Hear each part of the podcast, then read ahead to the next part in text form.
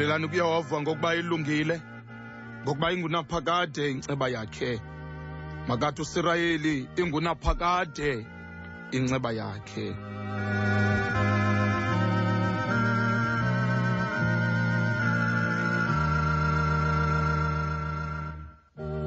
Mayithi indlu ka-aroni ingunaphakade inceba yakhe. Mabathi abamoyikayo uyehova engunaphakade inceba yakhe. Phulaphuli womhlobo wenene kusasanje ngale mini yecawa kule cawa kolusuku olubekelwe bucala nguthixo. Icawa lena yesithathu kule nyanga kajanuwari. Mandilibulise kusasanje ngelihle igama igama elinamandla.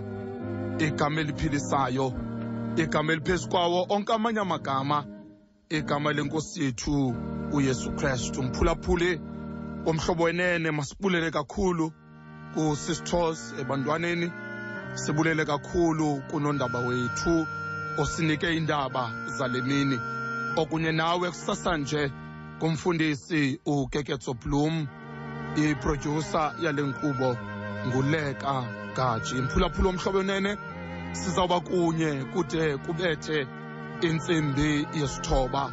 Sikwisandulela senkonzo kusasanje mphulaphuli womhlobo wenene mandinamkele nisebhizi njalo nilungiselela ukuya enkonzweni kathixo. Mphulaphula omhlobo wenene akhona amaculo alungisiweyo.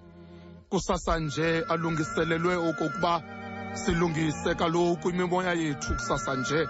Silungise imiphefumlo yethu kunokwenzeka. Okokuba uvuka kusasa nje usiva okokuba awumnandanga mphulaphuli. Uvuka kusasa nje usiva kabuhlungu. Kodwa ndiyakucela okokuba kusasa nje xa sindulela le nkonzo mphulaphuli sisiya kumshumayeli wale mini nawe usondele ukuze sive uthixo ethetha kunye nathi ngengoma mphulaphuli womhlobo wenene izawungena i-anglican choir esithi isiseko segerike. Phulaphuli womhlobo wenene sisekule nkonzo yesandulela. Mphulaphuli womhlobo wenene silungiselela ngeli xesha ukuya kumthanjiswa kathixo okhethiweyo okokuba asinike ilizwi lanamhlanje. Nanamhlanje mphulaphuli uthixo useza kuthetha kunye nathi zikho ke iinkonzo ezizawuqophisana kunye nothixo. Kusasanje i-methodist church in africa phaya ecradock eh, circuit ibandla lakwadonki eliphaya elingelihle lizawube linenkonzo yomnqophiso ngomhla wamashumi amabini anesibini kule nyanga kajanuwari. Eh ixesha mphulaphuli abaza kuqala ngalo eh kungentsimbi yeshumi. Esisaziso ke sikhutshwa ngumfundisi uJN Dokota okwayibishop yeNorth Western Cape District.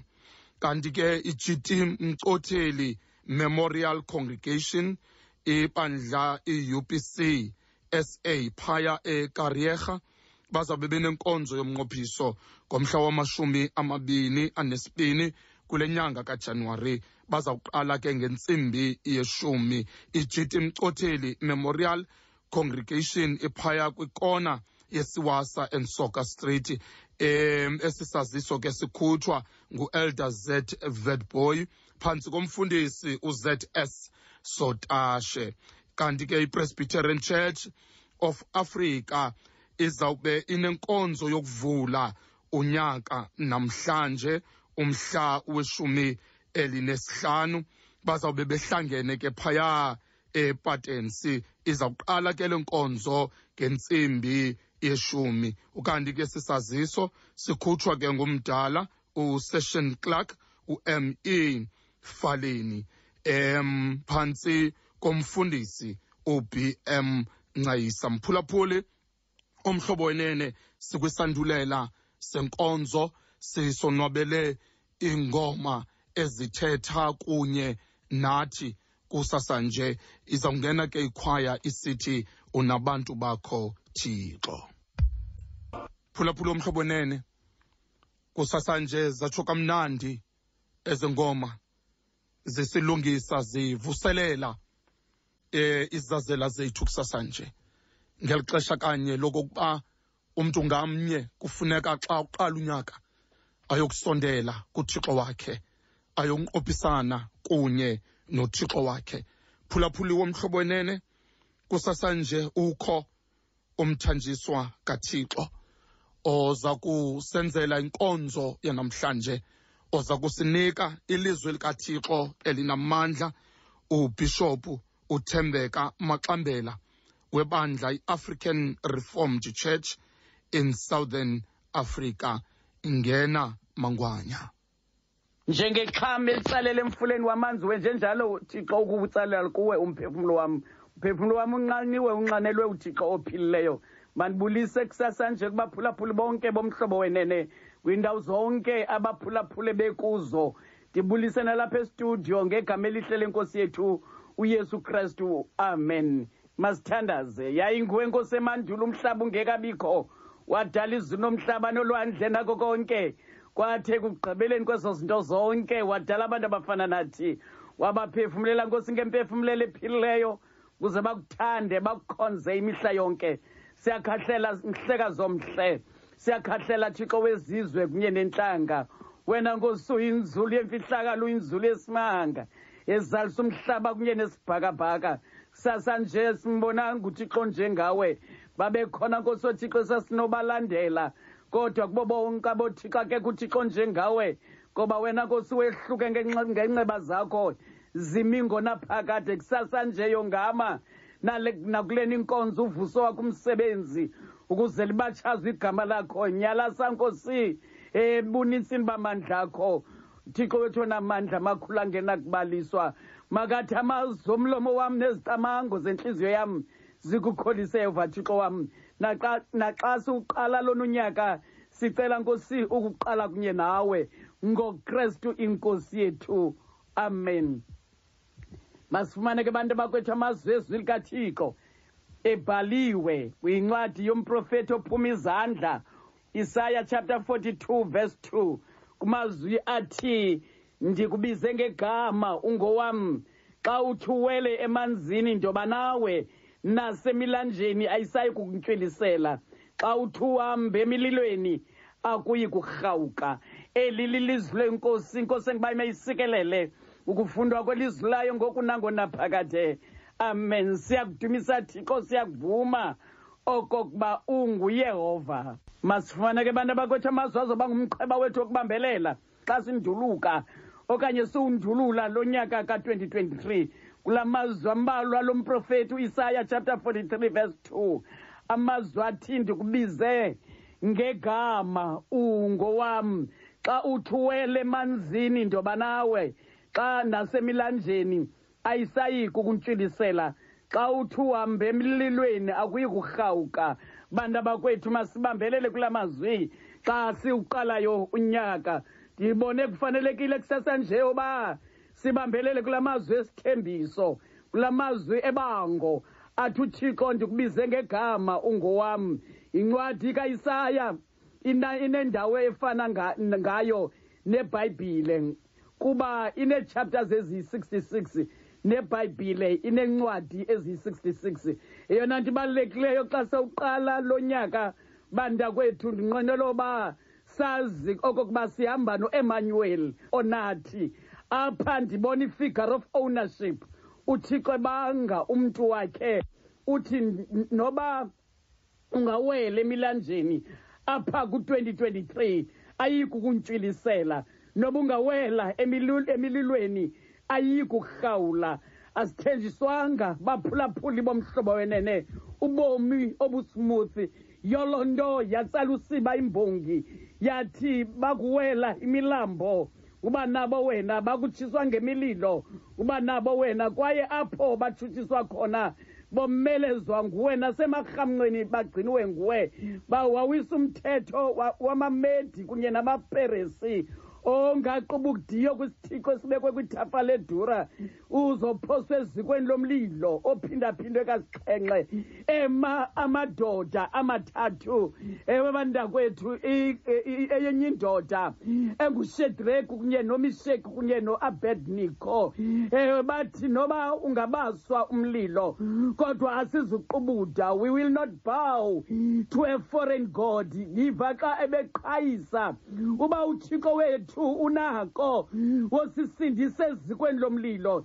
Yiva xa besithi noba akasisindisanga kodwa sizuqubuda bangena ngathi bavuma ingoma entsha. Unabantu bakho thixo ngamaxesha onke. Ubagcina ubancede endaweni zonke. Xa be- ba- xa bantakwethu bephakathi lamadoda kwavela indoda yesine. Inkangeleko ngathi ngunyana wesintu. Athi xa bantakwethu ithetha ngaye incwadi yamahebhere. Le ndoda yesine ithi he is the consuming fire ungumlilo odlayo. Ndaca ndabona uba njebengena kulo mlilo uzowuthothisa ubushushu bomlilo okanye uzoginya ubu- ubulushushu bomlilo. Angena la madoda ebotshiwe kodwa unebukadnezare wabona indoda yesine.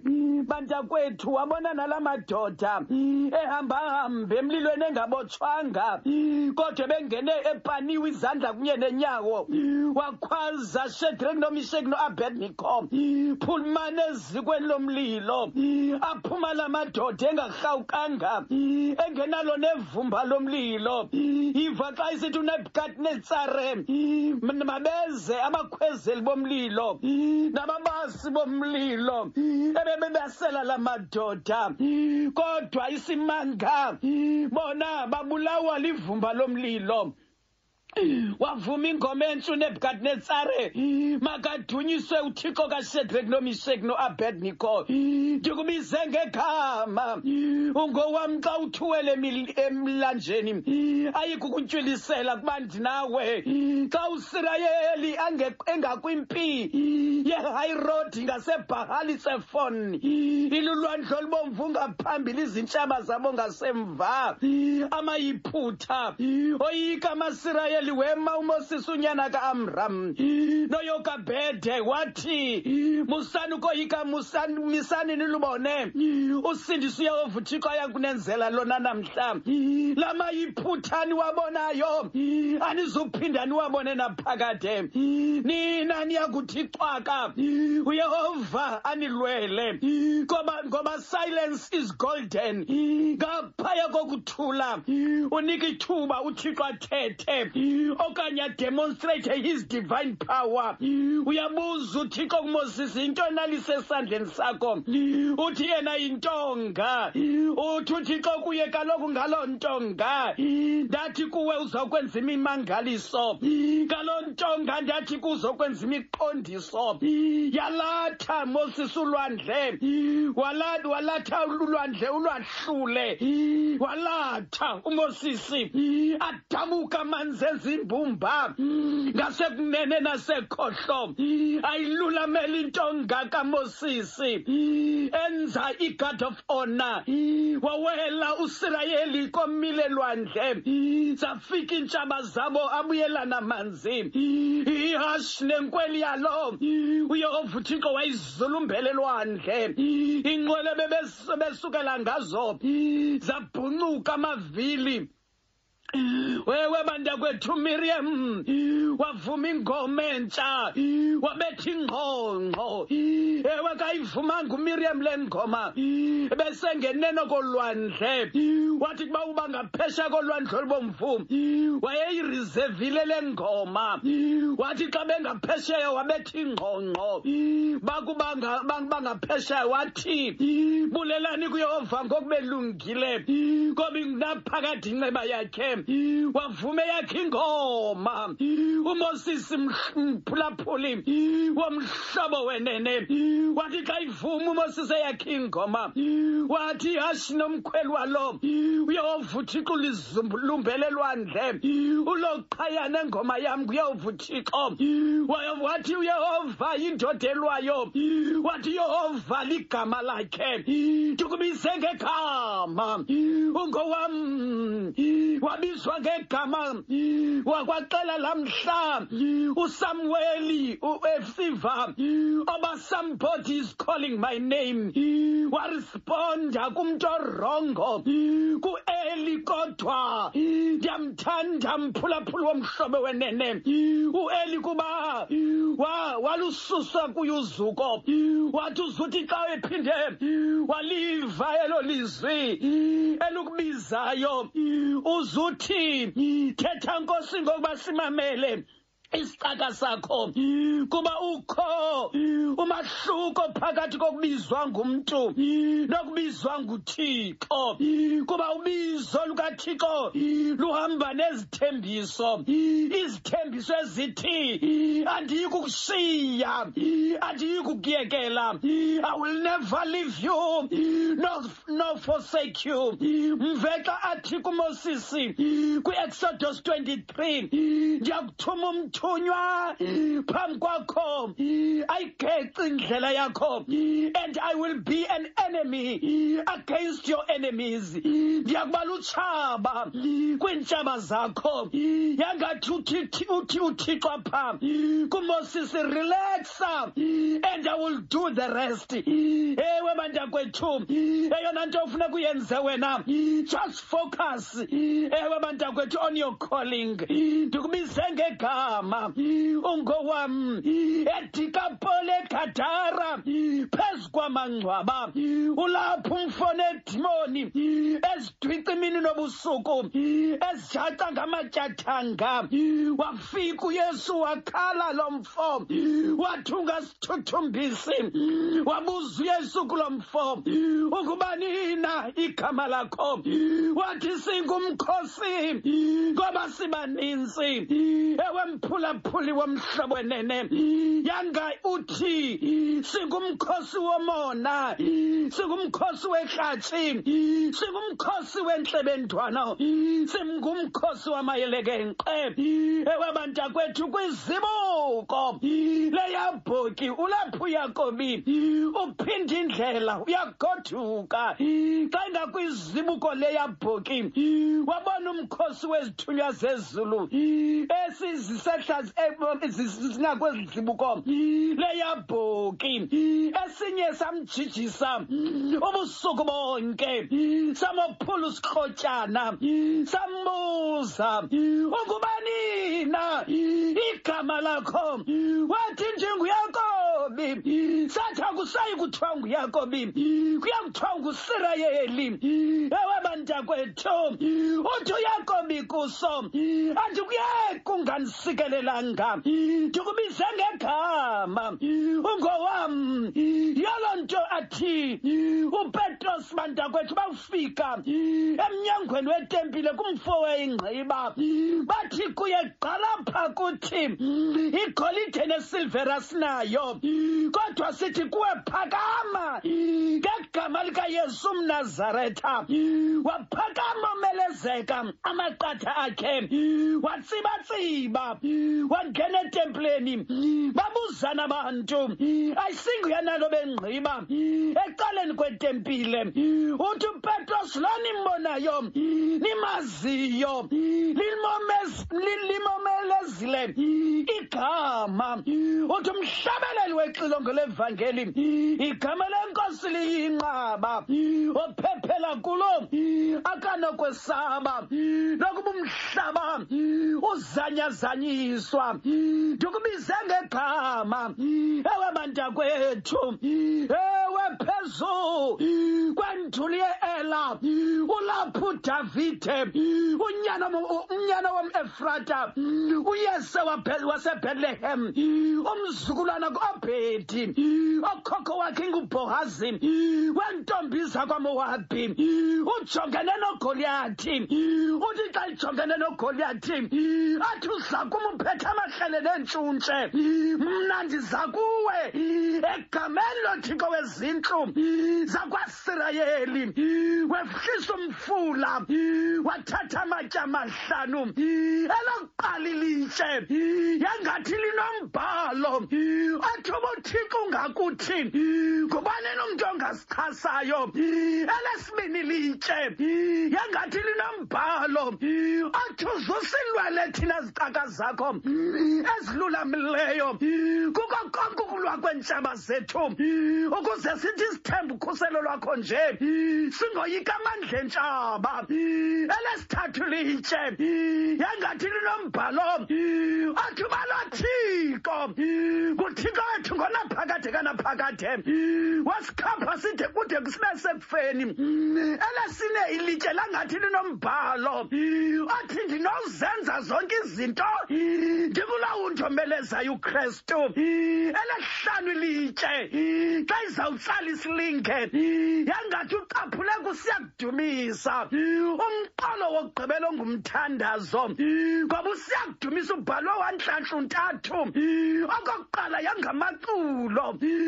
Phakathi naphakathi yayibhayibhile kusiya kudumisa ekugqibeleni yayimithandazo xa izawutsala isilinge ezawu- ezawu- ezawubetha ugoliyathi yangathi utsala umqolo wokugqibela. Nkosi ndithembe wena. Mandingaze ndidaniswe. Wayiqhawula intloko kagoliyathi waya kuabhinere ewunyana kanere wathi waabhinere ngunyana kabani nalo oqhawula intloko kagoliyathi ndikubize ngegama wena ungowam. Yoloo ndathi indumiso 20 verse 7 abanye bakhankanya iingqolo zokulwa. Abanye bakhankanya iingqolo zamahashe ke thina sikhankanya. Igama likayehova uthixo wethu uasa unyana kaabhiya umzukulwana kuba uyeroboam xa izawubheka emfazweni nozera umkhushi waziyaleza kuthixo wakhe ngoba engenazo iintolo zokulwa. Wathi ngwewedwa thixo onokunceda phakathi komntu onamandla nongenawo. Wathi sincede yehova thixo wethu ngoba ngawe size kule ngxokolo. Egameni lakho. Ndikubize ngegama. Mphulaphuli womhlobo wenene yoloo nto omnye umntu. Why god? You always allow me to go into deep troubled waters. Athi uthixo kuye.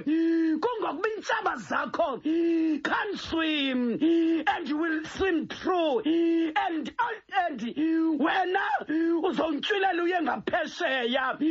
Zona soze zikwazi ukufumana ngoba zikwazi ukudada iintshaba zakho. Uthi upawulos xa ebhalela ibandla lasefiliphu athi ibanale ngcinga awayenayo ukristu owathi esebumeni bukathixo akathi ukulingana kwakhe nothixo kulixhoba wasuka wahluba ubume bomkhonzi wathobeka kwade kwasekufeni ukufa kwasemnqamlezweni. Yaloo nto enikwa elingaphezu kwamanye amagama ukuze ngegama likayesu onke amadolo agobe every shall bow every tongue shall confess that jesus is the, is the lord. Zake zabhawisha bantakwethu.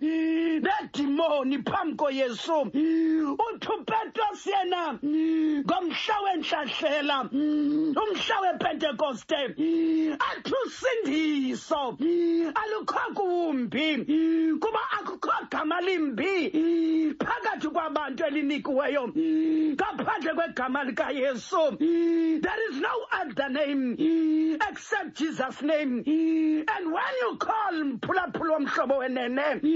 upon the name of jesus no one can stand before you. Ndikubize ngegama. Ungowam xa emilanjeni